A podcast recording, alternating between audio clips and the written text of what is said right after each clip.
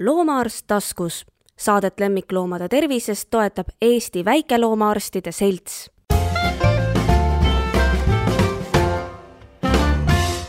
tere, ilusal soojal kevadpäeval podcastis Loomaarst taskus on minu külaliseks, mul on see au, proua president, Eesti Väikeloomaarstide Seltsi kas sa oled juhatuse esinaine, esimees või president vist? no ametinimetus on president, president. Ja, ja tere kõigile. ja Julia Abram.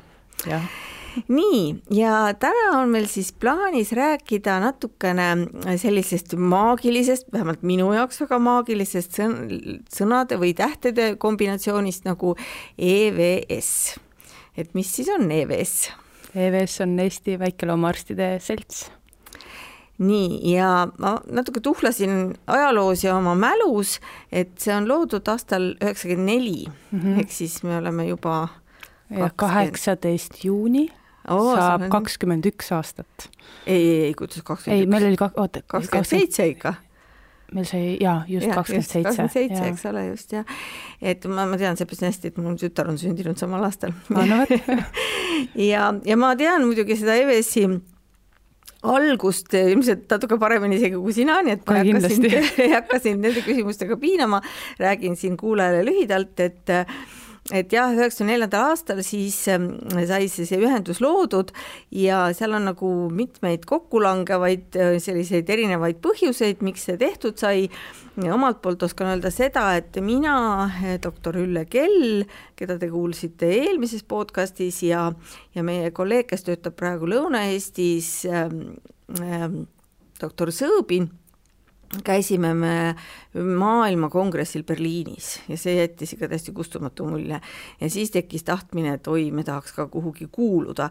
ja, ja noh, samasaadseid kogemusi oli teistel kolleegidel, Viljandi Männimäe kliiniku asutaja Riina Jõgila oli käinud korduvalt Soomes ja isegi juba Ameerikas mingil kongressil ja ja, ja meie hea kolleeg Eve Kinnunen, kes peab Põlva loomakliinikut, tema oli Saksamaal käinud. Eve Laretei. Eve Laretei õieti, ahah, parandan täitsa, nii, no igatahes, igatahes kõik olid juba natukene maailma nuusutanud ja siis me otsustasime, et me peame ühinema, et üheskoos on seda maailma vallutama minna lihtsam ja, ja tolleaegne Eesti Väikeloomaarstide Selts oli siis põhiliselt see tõesti, et me saaks omavahel nagu kokku ja saaksime infot vahetada, et me saaksime infot mujalt maailmast ja tollal oli tohutu puudus igasuguse koolituse järele, nii et kui vähegi kuhugi minna sai, siis me olime õnnega koos.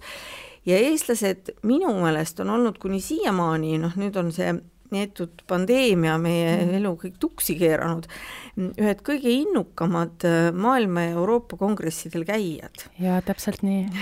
et, et tihtipeale noh, arvestades seda, kui palju neid loomaarste on ja kui suurte massidega me käime seal yeah., et me ajame ikka, ikka mitu suurt seltskonda kokku ja, ja siis käiakse ja, ja see on minu arust hästi imeline, et see maagia, mis toimub sellistel suurtel rahvusvahelistel konverentsidel, need meie Eesti loomaarstid ja siis äh, kõik need väljamaa loomaarstid ja organisatsioonid, see on lihtsalt imeline selline. missugune sinu esimene rahvusvaheline kongress oli, kas sul tuleb meelde? see oli Dublinis äh, Fekava. ahah, Dublini Fekava. me käisime ju isegi koos seal. ja, ja no ma olen lihtsalt kõigil ja sa oled kõigil käinud jah, et minu jaoks oli too niisugune mm -hmm. esimene hästi suur.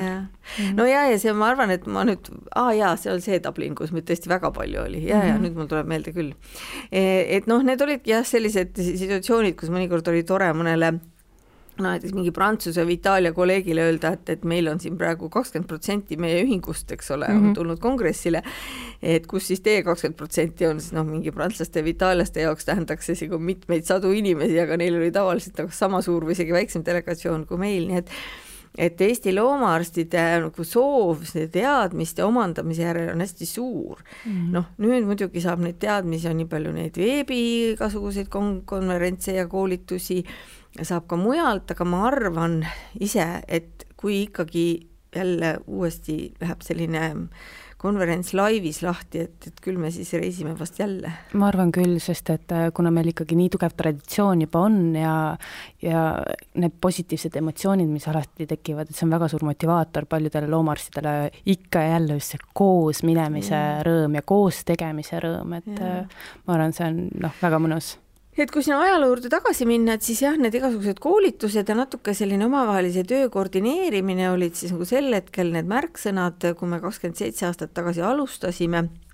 Ja meid oli siis kusagil kolmekümne ringis, protokollis oli kolmkümmend üheksa, kolmkümmend neli või kolmkümmend üheksa inimest, jah. aga nüüd siis, palju, palju väikeloomaarste ühendab siis praegu EVS? meid on tervelt kakssada kümme. ohoh, no ja. see on ikka täitsa aga ütleme, ruumi veel on, ruumi palju või noh, laienemiseks on, sest et ja. eks noored jälle võiks nagu rohkem tahta ühineda ja ühineda, et, et tahaks sellist noort verd peale, kellel oleks mingeid uusi mõtteid, uusi visioone äkki me oleme tudengitega vähe tegelenud? no nüüd sellega me hakkamegi tegelema, et see on selle uue juhatuse töö, sest et meil on ju endal juhatuses ka üsna värskelt lõpetanud, kellel on veel kontaktid tudengitega ka ja yeah. me kindlasti, kindlasti kaasame neid hästi rohkem. noor juhatus on ju. jaa, issand. igatpidi noor, ühtepidi see, et te olete äsja valitud, eks ole, mingi kaks kuud tagasi ja teine ka see, et, et inimeste nii-öelda sünniaasta numbrid on ka, on sellised ja, noored issand ja jah, meil on äh, ikkagi niisugused äh, kolmkümmend viis, kolmkümmend kuus on ja. kõige vanemad. see on nagu jälle väga suur vaheldus, sest et äh, oma EVS-is oldud aja jooksul ma ei mäleta, et oleks kunagi olnud nii noort juhatust. ei, kindlasti ei ole olnud. ja see on jälle meile väga suur ja. väljakutse ja suur tunnustus ka, et meid üldse valiti sellisel kujul. et kindlasti on, mida, mida teha ja aga kuna noh, aeg on nii palju mööda läinud ja, ja asjaolud on hästi palju muutunud, siis mis siis nagu praegusel hetkel võiks olla see, mis on nüüd hetkel oluline, noh, koolitused on, jäävad iga noh, igavesti -hmm. oluliseks, aga, aga võib-olla ei ole enam nagu nii tähtsal kohal, esimesel kohal, sest et, et neid võimalusi nagu isiklikult juba ennast koolitada on palju rohkem. et mis siis need praeguse hetke punktid on, mis, mis võiksid tähtsad olla? no küsimus ongi nüüd, kas me vaatame seltsi tervikuna või me vaatame juhatust eraldi, et mida meie tahaks oma liikmeskonna jaoks ära teha. et kui me vaatame seltsi, siis kindlasti esindatus riigis ja igasuguse seadusandluse loome juures me tahame kindlasti kaasa rääkida ja aidata nii, et see oleks just loomaarstidele soodne ja, ja et loomaarstide hääl oleks kuuldud nendes kohtades, kus see on oluline. kas või näiteks kiibistamine ja, ja lemmikloomade registrisse kandmine, sest et kiputakse neid kahte asja eraldi hoidma see on nii põnev, et sellest võiks natuke veel eraldi rääkida, aga kui sa sinna seadusloome juurde juba läksid, siis noh, ma tean ka ise seda ajaloost, et see ongi tähtis, et üks asi on seadused, mida mõeldakse välja nii-öelda kontorivaikuses ja teine on see, et kuidas see loomaarst seal põllul siis neid täitma peab mm. -hmm. et ma tean, et eelmine juhatus äh, tegi sellega päris palju tööd Ja. et olla algusest peale selle seadusloome juures. Äh, kas teil on praegu, midagi on pooleli või äh, midagi on? no nii ja naa, selles uh -huh. mõttes, et nüüd teatud Euroopast tulenevad siis need direktiivid rakendusid nüüd aprillikuust, kui ma ei eksi Äh, ja seal nagu ei olnudki nagu väga midagi teha ka või kaasa rääkida, et, et äh, aga nüüd, mis uuesti hakatakse looma ja siis nagu aasta lõpupoole lubati meile kindlasti meid rohkem kaasata, et, et kus nagu detailidesse saab minna. Mm.. sest et noh, paraku jah, see seadusloome ja päris elu ei käi käsikäes ja, ja kui me saame natukenegi muuta niimoodi, et see kõik oleks väheke mugavam ja kasulikum äh, nii Eesti inimestele kui ka loomaarstidele, et oleks väga tore, aga see on tõesti väga suur väljakutse ja ja meie kui noor juhatus kindlasti palume abi ka oma pädevamatelt eh, kolleegidelt. no te peate lihtsalt kogu jala vahele saama. sellepärast, et kui see seadus on sellisel noh, ma ei häbene välja öelda, rumalal kujul vastu võetud, siis on sellega väga raske võidelda. ja no selles mõttes, eks, eks Põllumajandus- ja Toiduametis ka ju inimesed eh, tegelevad sellega ja nad tahavad, et see oleks maksimaalselt hea ja kasulik mm. -hmm. et kui me hoiame nendega häid suhteid, mida me me siiani oleme üritanud ikkagi teha ja ma ütleks, et mulle need inimesed seal väga meeldivad. nii et ma usun, et koostöö saab ka väga hea olema, et, et mm. siis, siis me saame selle ühise keele ja mm. ühised eesmärgid saavutatud. minu meelest ei ole midagi hullemat, kui, kui on pandud nagu seadusesse või määrusesse või ükskõik mis asja, ütleme seadusloomesse, siis mingeid selliseid punkte, mis on kusagilt noh, ma ei tea kust, noh, hästi palju viidatakse muidugi eurodirektiividele mm, -hmm. ma saan aru, et neid peab järgima, nendele ja siis tegelikult juba need inimesed, kes selle sinna seaduse kirjutavad, nad isegi ei eelda, et neid täidetakse, sest need on neile endile ka suhteliselt absurdsed. ma toon ühe näite sellisest mm -hmm. väga kaugest minevikust, nii et seal ei, ei pea keegi ennast puudutatuna tundma. et noh, siis oli ammu kindlasti viisteist aastat tagasi hakati looma ja see oli võib-olla Tallinna keskne jäätmekäitluse mingisugust seadust ja kuhu oli pandud siis loomakliinikud sisse, mis loogiline, meile tekib ka igasugust jäädet ja ja siis oli sinna sisse kirjutatud, nad olid võtnud noh, nagu veterinaar siis sellise üksuse samasuguse nagu humaan mingisuguse meditsiiniüksuse mm -hmm. ja seal oli kogu see nagu see seadusandlus oli sama, et kuidas sul peab olema bioloogilisteks jäätmeteks eraldi ruum eraldi mm. need, teised-kolmandad ja siis õnneks see sattus sel hetkel ka minu kätte ja siis ütlesin, kuulge, mõelge, et meil on mingi väike kliinik, kus nädalas võib-olla kastreeritakse üks kass, noh, tehaksegi vaktsineerimisi ja selliseid mm. nahahaigusi lihtsam asi ja siis nende kahe muna jaoks peab olema sellel inimesel eraldi ruum, et see ei ole ju loogiline, eks. ja noh, mhm. siis tegelikult tõesti see, ja, ja et see on ikka otse meditsiinist maha kirjutatud, et nii ei saa. et, et noh, et, et mis on minu jaoks ja mida ma nüüd sulle siin eetris ütlen et, et tõesti, et katsuge selliseid asju tähele panna, et nii ei juhtuks, sest see, mis võib-olla on suure kliiniku jaoks on nagu okei okay,, me ei saa ära kaotada väikseid väikseid Herrioti kliinikuid, eks ja ole, neid on ju ka vaja. õnneks meil ja, juhatuses ja. ongi nagu väga väga erineva taustaga inimesi, et on ja. hästi maa väikekliinik, siis on meil Pärnust äh, loomaarst, meil on suure kliiniku arst ja mina, ma ise ei olegi üldse kliinikus, et rohkem ja. teistmoodi põllul. ja, ja see teebki minu arust väga-väga põnevaks mm -hmm. kogu selle mhm. juhatuse töö praegult, sest et me oleme nii erineva taustaga.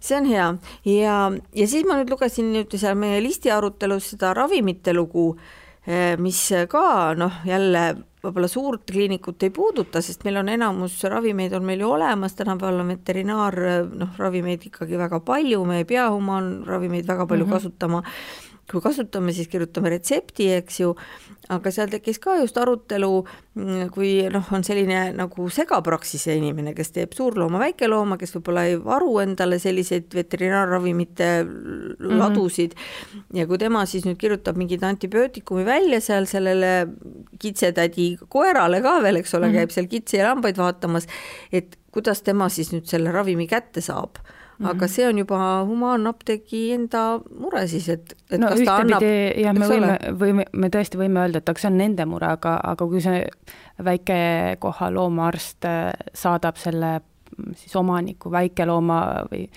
väikekoha apteeki, kus samamoodi nad ei taha võib-olla seda sajast pakendit osta, sest see jääb neile lihtsalt seisma ja sealt sajasest pakendist ainult kümme tükki ära müüa mm. -hmm. et, et siin on niisuguseid põnevaid kitsaskohti, mille peale ei ole tuldud, kui, kui kogu see teema arutelu oli, et ma arvan, et jälle läbirääkimise koht ja me peame siinkohal äh, tegema tööd ka apteekide suunal, kus me peame seletama, et millise, millistes olukordades millist valikut kasutada, et ühtepidi neil on nagu mustvalge nimekiri ees, mida võib müüa, mida ei või müüa, et kas ta on siis humaanmeditsiinis kasutatav ravim või veterinaarmeditsiinis, aga, aga teistpidi loomaarstil jääb siiski õigus otsustada ju, millise ravimi ta välja kirjutab. ja muidugi jah, lihtsalt noh, kui on nagu veterinaarne analoog olemas, et siis ta ei saa kirjutada humaani, aga ja. samas, kui tema kirjutab retsepti toimeaine põhiselt, siis on nüüd apteegi otsustada, kas ja, ta tellib selle sajase veterinaarse paki, millega tal pole midagi mm -hmm. siis teha või ta on seal halli ala mulle, ääre peal ja tundub, et nad hetkel humaanse. ja mulle tundub, et nad hetkel natuke nagu kardavad seda humaanset pakkuda, sest et no jälle, eks äh, siin ei saa mööda ju ka hinna küsimusest, et veterinaarpreparaadid on korduvalt kallimad kui humaanpreparaadid ja väikekohtades jälle nendele rõhudes võib see raha olla väga suur, noh, ütleme, kui ravikulu on kõvasti kallim kui see loom ise, et siis mm. võib tekkida niisugune eetiline küsimus, et kas, kas omanik hakkab seda looma üldse ravima või no, mitte. aga samas, kui ta ei saa apteegist rohtu kätte, siis meil tekib loomakaitsealane küsimus, et siis jääb loom abita. jah, ja ongi niimoodi igatepidi oleme kuidagi nagu suluseisus, eks ole mm et, et need on niisugused kohad. kes seadust tundva inimese kommentaar oleks siin nagu hea, aga meil ei ole seda nüüd noh, hetkel kusagilt võtta. nii et jah, see seadusandlus ilmselt on teil ikka päris tõsiselt nii-öelda tiksub kuklas kogu aeg, et mm, -hmm. et mhm. see, et see oleks selline, et, et sellest oleks nagu kasu ja see ka nagu ei hakkaks nagu ülemäära reguleerima. sest ja. ülemäära reguleerimise puhul on alati see oht, et korralikud täidavad hästi ja need, kellele see regulatsioon mõeldud on, need ei täida niikuinii. ja, ja, ja siis ja ikkagi neid nagu siis ja. ikka ka kontrollita, et see on see koht, mida ma olen ka tähele pannud, et jääb mulje, et need, kes väga tublisti teevad, et neid nagu käiakse ja kontrollitakse, kõik on korras, aga need, kes võib-olla ei täida seda seadusandlust liiga hästi, et need nagu kuidagi kaovad ära sinna pragude mm. vahele. aga no eks PTA näeb vaeva, et, et saaks kõik ikkagi ikkagi õiglaselt äh, ära kontrollitud, üle vaadatud, sest et eesmärk on ikkagi suurem ja tagada mm. maksimaalselt parimat veterinaarset teenust Eestis. aga nüüd on vist mingid põnevad arengud seal selle kiipimise ja registreerimise juures või? Äh, no, no seal nagu liigub, liigub midagi vaevaliselt, äh, aga, aga kuhu suunas ta täpselt läheb, seda me veel ei tea, sest et äh, siin riik teeb mõjuanalüüsi või noh, ta tegi juba ära selle mõjuanalüüsi, et kuidas üldse Eesti inimesed on valmis siis kohustuslikus korras kiipima oma lemmikuid, kas nad on valmis kiipima ainult koera või ka kassi või ka teisi, kuigi vabatahtlikult on see kõik võimalik praegu, aga küsimus, kas me paneme selle seadusandlusesse kohustuseks aga kõikidele. osad, osad maa omavalitsused juba on ju pannud ja kui ja. juba nii suur omavalitsus nagu Tallinn on pannud, see tähendab seda, et pool Eestit juba ju on sellega nii-öelda leppinud, eks ole ju. nojah, aga ikkagi mõjuanalüüs oli neile ja. oluline ja, ja, ja nüüd, nüüd mõeldaksegi, et kas teha siis niisugune üleriigiline register Äh, või, või kuidas me siis, äh, mida nagu edasi teha, sest praegult Eestis on ju kaks väga niisugust, äh, naljakas on sulle rääkida, sa ju tead tegelikult seda kõike. ei, ei, ma tean jaa, aga, aga ma ei tea, mis on need uued asjad, et noh, ma tean ja. muidugi seda, et, et on kaks registrit ja ma tean ka seda pikka ajalugu, miks neid kaks on mm. -hmm ja samas ma ütlen niimoodi, et jumal tänatud, parem kui kaks, kui ja, mitte ühtegi. just, ja, ja mõistlik alati... olekski mõlemasse kanda. lihtsalt äh, üks on selline, millesse kannab loomaarst ja see on loomaomanikule tasuline ja teine on siis see, kuhu omanik saab ise ennast. Äh, oma lemmikut registreerida ja ideaalne on tõesti, et mõlemasse oleks registreeritud ja ühe puhul on eelis see, et on tõesti tasuta. Ja lemmik no, loomaarstide registri puhul on see, et kui te lähete reisile oma lemmikuga ja see loom, lemmik peaks kuskil Euroopas ära kaduma, siis see loom on leitav ka Euroopas selle kohta oli ju paar aastat tagasi ju täitsa huvitav lugu, ma ei mäleta, kas sina olid selle juures, kui Lätist tuli meile noh, minule ja siis veel paarile endisele EVSi juhatuse liikmele tuli kiri Läti kolleegilt, et on leitud sellise, sellise kiibinumbriga koer ja et see viitab Eestile mm. -hmm. ja, ja ja siis äh, me leidsime siis selle omal, tänu omale registrile kohe ilusti üles, eks ole, selle koera omaniku ja see oli veel üks tegelikult meie täitsa tuttav inimene. Jaa, ta tegeleb natukene veterinaaria tehnika müügiga ja, ja see oli, see koer oli tal hommikul Viimsist varastatud. jaa, ja vaata Lätis ka just, oli ju Lätis, eks ole, et varastatakse praegult loomi, et ja, kuhu nad toovad, toovad ikka Eesti ja Soome poole, eks ole. et võib-olla see on ka jälle see koht, kus vot, kui nad oleks ilusasti kiibistatud ja, ja registris, mis on rahvusvaheline ja. register, aga et see koer tänu sellele kiibile ja noh, tõesti sellele, noh, seal oli see hetk oli, et, et kuna see rahvusvaheline register viitab noh, kus registris ta on, aga ta ei anna seal kohe, noh, seal mhm. Lätis, eks ole, omaniku andmeid, et noh, selleks oli vaja meil nagu seda vahelüli hetkeks. aga ikkagi, et see nagu nii kiiresti tuli noh, see info omanikuna mm, -hmm. et ta sai nagu sama õhtu jälle, sõita koerale jälle, järgi. kui fantastiline see, et rahvused omavahel koostööd teevad, et ja. Äh, Läti kolleegid teadsid teie poole pöörduda, eks ole, sai selle info hästi kiiresti ja see on ju noh, see on nii tore, kui me saame ja. neid suhteid niimoodi hoida ja. ja me teame, mis kõrvalriikides ka toimub no loomaarsti võib-olla või loomaomanikku ma ausalt öeldes väga ei usaldaks selle ise registreerimise peale, toon kohe sellise näite, me võtsime endale hiljuti koera mm. -hmm. ta tuli meie perre veebruari lõpus ja ma kandsin, ma arvan, kuu aega kotis seda registripaberit mm. -hmm teades, et ma pean, noh, see on ju üks liigutuseks mm. -hmm. kui ma oleks käinud temaga nii-öelda nagu normaalne loomaomanik loomaarsti juures, siis loomaarst oleks mul kohe kratist kinni võtnud ja täitnud, öelnud, et kuule, täidame ja. ära nüüd selle, eks. ja, ja mina, kes ma olen nii teadlik sellest, et see peab olema tehtud, et kui see kiip ilma registrita on täiesti mõttetu jubinaha all, et see peab olema kuidagi seotud, eks ole, isegi mina ikkagi venitasin selle koera registreerimiseks, aa, ma teen homme mm. -hmm. ja täna on jube kiire, ma teen üle, issand, mul, kus ma see pass on kõikidel inimestel see edasilükkamine, et see on nii väike ja. asi, aga jälle see, et sa lähed, paned selle ID-kaardi sinna ID-kaardi luges või, või noh, see tundub nagu nii aeganõudev tegelikult, eks ole, viis minutit ja valmis. See, see ei olegi, see ongi see, et ah, see on nii lihtne, et ma võin selle homme ka ruttu ära teha ja, ja. siis see läheb ülehomse peale.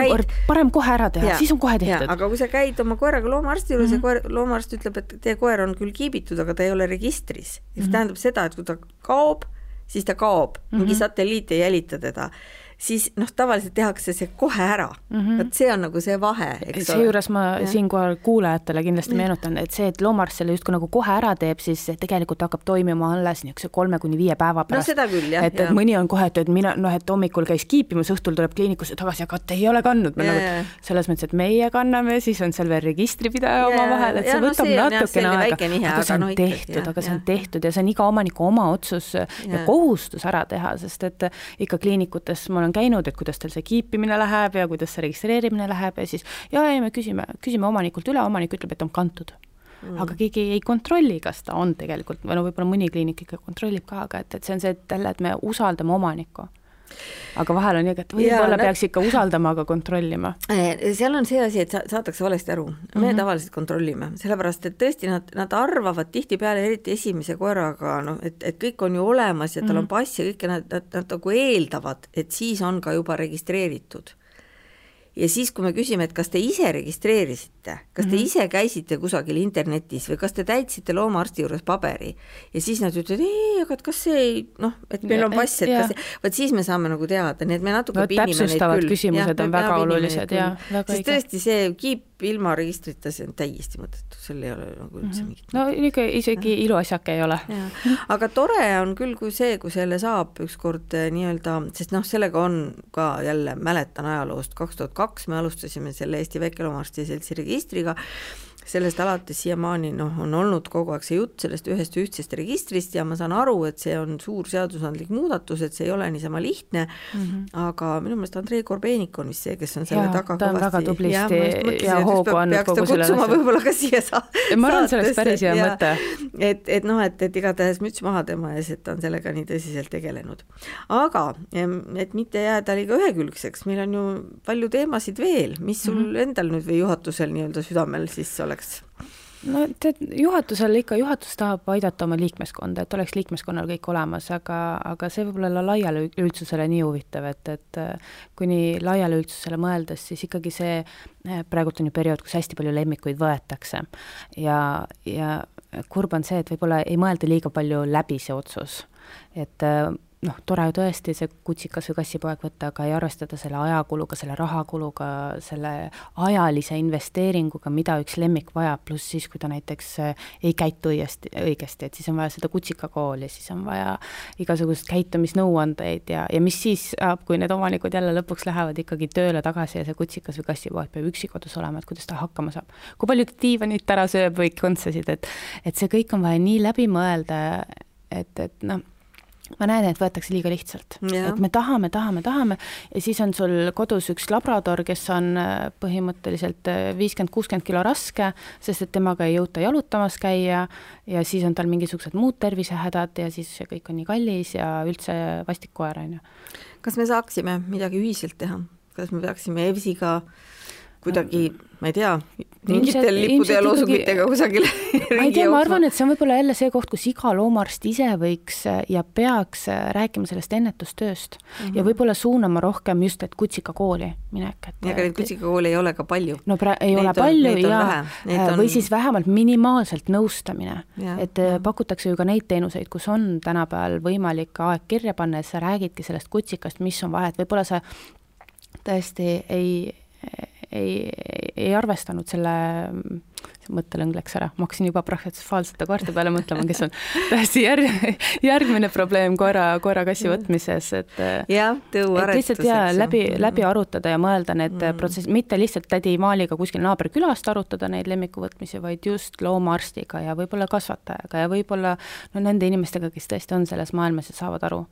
jah, ja nagu kõva e-, eeltöö Mm -hmm. aga see on nüüd nii lai teema, et ma juba mõtlesin, et kui me sinna nüüd sukeldume, et siis jäävad meil muud asjad, meil on kümblesime, ainult, ainult varbaid kastsime. ja et ma, ma tegelikult noh, põgusalt nüüd sinuga ka seda puudutan, aga ma arvan, et ma teen ühe järgmise podcast'i mõne äh, sellise päris nagu koerakasvatajaga natuke rääkida just sel teemal, et noh, kui tõukoer versus mitte tõukoer mm, -hmm. siis nii-öelda tõukoer, aga ilma paberiteta, aga ja, kas see on oleks, tõukoer, kõik need teemad, aga kuna me sinna ilmselt sinuga kohe praegu satuksime jalgupidi nii-öelda sisse ja enam välja ei pääseks, siis ma võib-olla jätan selle teema ära, ehkki see on ka väga-väga veterinaarne teema just mm -hmm. nagu nende erinevate tõugude haigused ja kõik need asjad äh,. loomakaitse jaa, see on, see on niisugune valus koht et ühtepidi, kui nüüd loomaarstide vaatenurgast vaadata, et kõik tahavad aidata loomi ja nad, ükski loomaarst ei ole läinud loomaarstiks õppima selle jaoks, et raha teenida, mis ei ole muideks nii suur midagi, mida siin et, et minnakse ikkagi loomaarstiks selle jaoks, et sa ei peaks esiteks inimestega suhtlema. ja tegelikult pead ja tegelikult palju. tuleb välja, et sa ainult inimestega suhtledki, seejuures sa oled psühholoog, raamatupidaja, nõuandja, arst ja mida kõike, eks mm -hmm. ole. et sa tahad neid loomi aidata ja, ja kui sa näed, et see omanik tuleb sellise poolvildaka loomaga, kellega oli vaja tulla kaks nädalat tagasi või, või kaks kuud tagasi või kaks kuud tagasi või ta tuleb äh, sulle öövalvesse kell kolm öösel, sest et äh, nüüd koeral on kõht lahti, probleem tegelikult kaks nädalat vaba, äh, kaks nädalat tagasi, aga et kuna nüüd kell kolm öösel see koer kakas valge vaiba peale seda kõhulahtisust ja ja see on omanikule väga ebamugav, sest et homme on pidu mm., siis vot siis tullakse nagu ruttu kliinikusse ja, ja see on nagu, see on selline koht, kus vaata loomaarst ka ilmselt lööb käed kokku ja mõtled, no kurat küll, noh. vabandust vist, vist ei tohtinud, aga et noh, vaata sellised nagu sa, sa oled ühtepidi kohutavalt kurb, sellepärast et selle loomaga nii hilja tuldi ja teistpidi jälle sa võib-olla ei saagi aidata enam nii hästi seda looma, sest et see läheb kohe kulukamaks, siis on jälle omanikul mure, et võib-olla on see probleem liiga kulukas ja ta ei tahagi sellega tegeleda ja, ja siis hakatakse niisugust nagu väljapressimist tegema. eriti tore, kui tehakse seda kell kolm öösel. et aga teile ei meeldi loomad, jah, te vihkate loomi, miks te ei aita, miks te küsite nii palju raha selle eest? ja, ja omanikud ei saa aru, et meil veterinaaris ei ole haigekassat, mis kinni maksab seda kõike, et see ongi loom, looma omamine on iga inimese enda eralõbu, eravastutus ja kohustus siis me jõuaksime kindlustuse juurde, aga ja, ei lähe praegu. ärme kindlustuse juurde lähe. aga, aga muidugi selleks, et mitte nüüd seda nii, nii, nii mustades ja hallides toonides, siis ma arvan, et ikkagi neid omanikke, kes meid süüdistavad, on, on vähe aga lihtsalt, et kuna me oleme nii tundlikud. ise oleme enda suhtes ja, kriitilised. siis, siis, siis need jäävad meelde, et, et ma mingil juhul ei taha, et siit jääks nagu kõlama selline, selline hetk, et, et noh, et nagu me pidevalt vaevleksime selliste ei, probleemide ei, käes.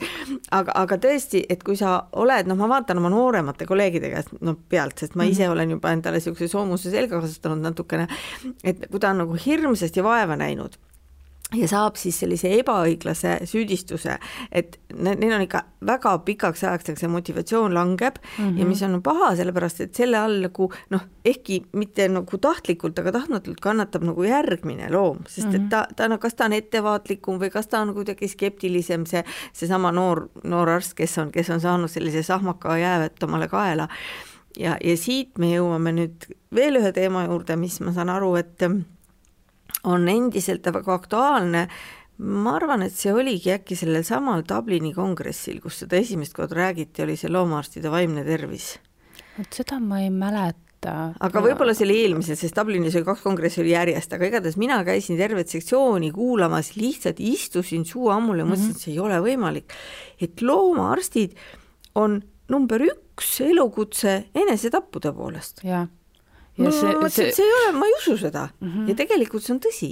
ja see on, see on nii kurb, sest et äh, olles ise enam-vähem noh, võrdlemisi noor äh, naisterahvas noh, ma mõtlen, et need, need äh, punktid või need, äh, mille alusel ma väga hästi sobituks sinna enesetapu ohvri all, et siis ma hakkasin mõtlema, et issand jumal, et tead ei julgegi enam nagu loomaarsti tööd teha, mhm. sest et äh, äkki ma nagu lähen sinna kategooriasse kohe, mhm. sest et alustada niikuinii on alati hästi raske, kas sul õnnestub see tugi saada õigel ajal õiges kohas, siis on nagu selline vale häbi ka ju selle ees, et issand, et ma fail isin, et ma ei, ma ülikoolis õppisin nii hästi, aga aga samas nagu näed, vot selle, selle asjaga ma ei saanud hakkama või ma ei osanud seda noh, probleemi lahendada, et, et see enesesüüdistus on nii suur ja nii kurb, mida, mida see noor loomaarst võib iseendaga teha tänu sellele, et uh, ma mõtlen oma kolleegide peale ja tõesti.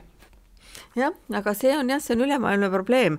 Ja, ja ma, ma, ma mäletan, et ma ikkagi väga tükk aega mõtlesin, et kuidas see võimalik on, sest no minu jaoks endiselt on humaanmeediku elukutse raskem noh mm -hmm., mulle ikkagi tundub, et kogu vastutuse ja kõige muu poolest, noh eriti kui me räägime mingist lastearstist veel, eks.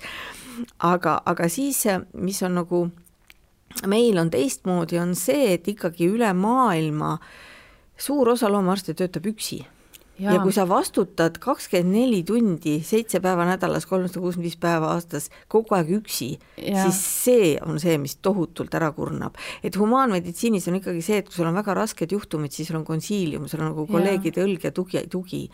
et see on ilmselt ka see asi, mida me saame seltsina teha tahtsin just sedasama öelda, et, et see on nagu imeline koht, kus, kus just seltsina aidata ja, ja toetada ja eks ei jäta üksi, eks. ei jäta üksi, aga see on ka see koht, et et see loomaarst, kes tunneb, et ta on võib-olla natuke kriitilises seisus, et ta peab võtma ennast kokku, leidma selle julguse, et öelda, et äh, mul on raske ja palun, kas ma saaksin kuskilt natukenegi abi, sest et neid abistajaid on alati.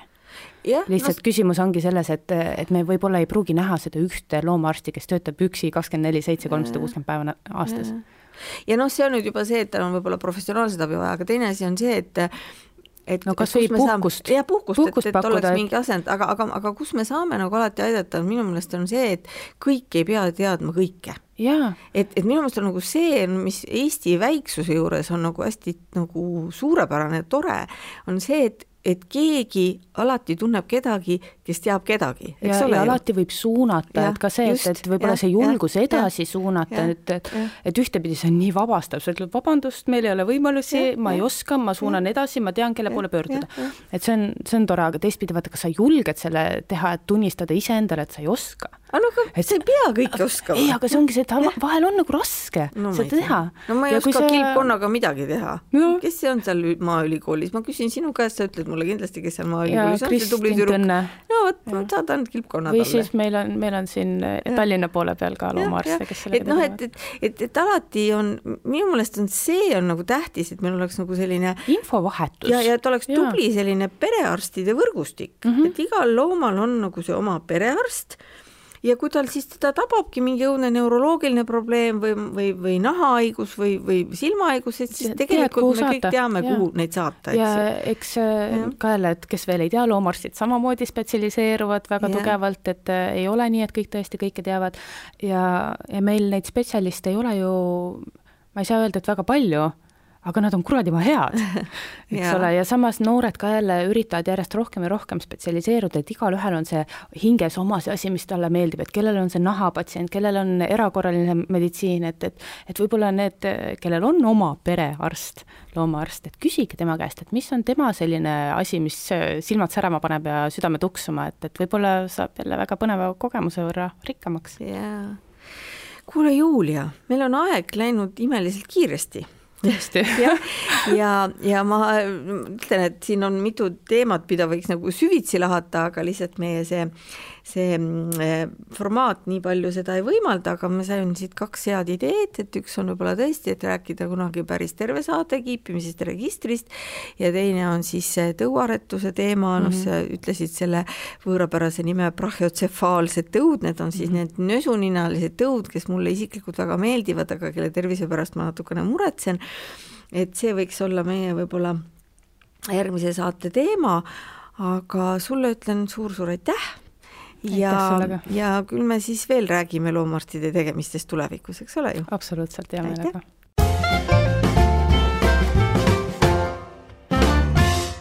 loomaarst taskus. Saadet lemmikloomade tervisest toetab Eesti Väikeloomaarstide Selts